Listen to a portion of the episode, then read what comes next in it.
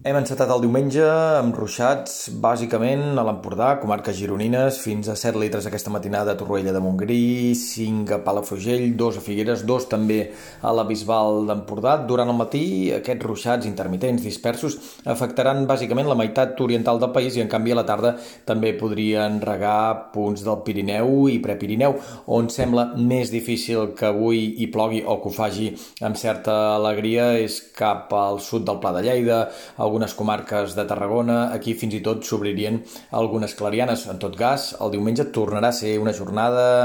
grisa amb poques estones de sol, amb un reduït contrast tèrmic entre una matinada que no ha sigut freda i un migdia amb ben pocs termòmetres passaran dels 14 o 15 graus. El vent aquest matí no farà gaire la guitza, però s'anirà reforçant a mesura que avanci el dia i de cara al vespre, i especialment entre demà dilluns i dimecres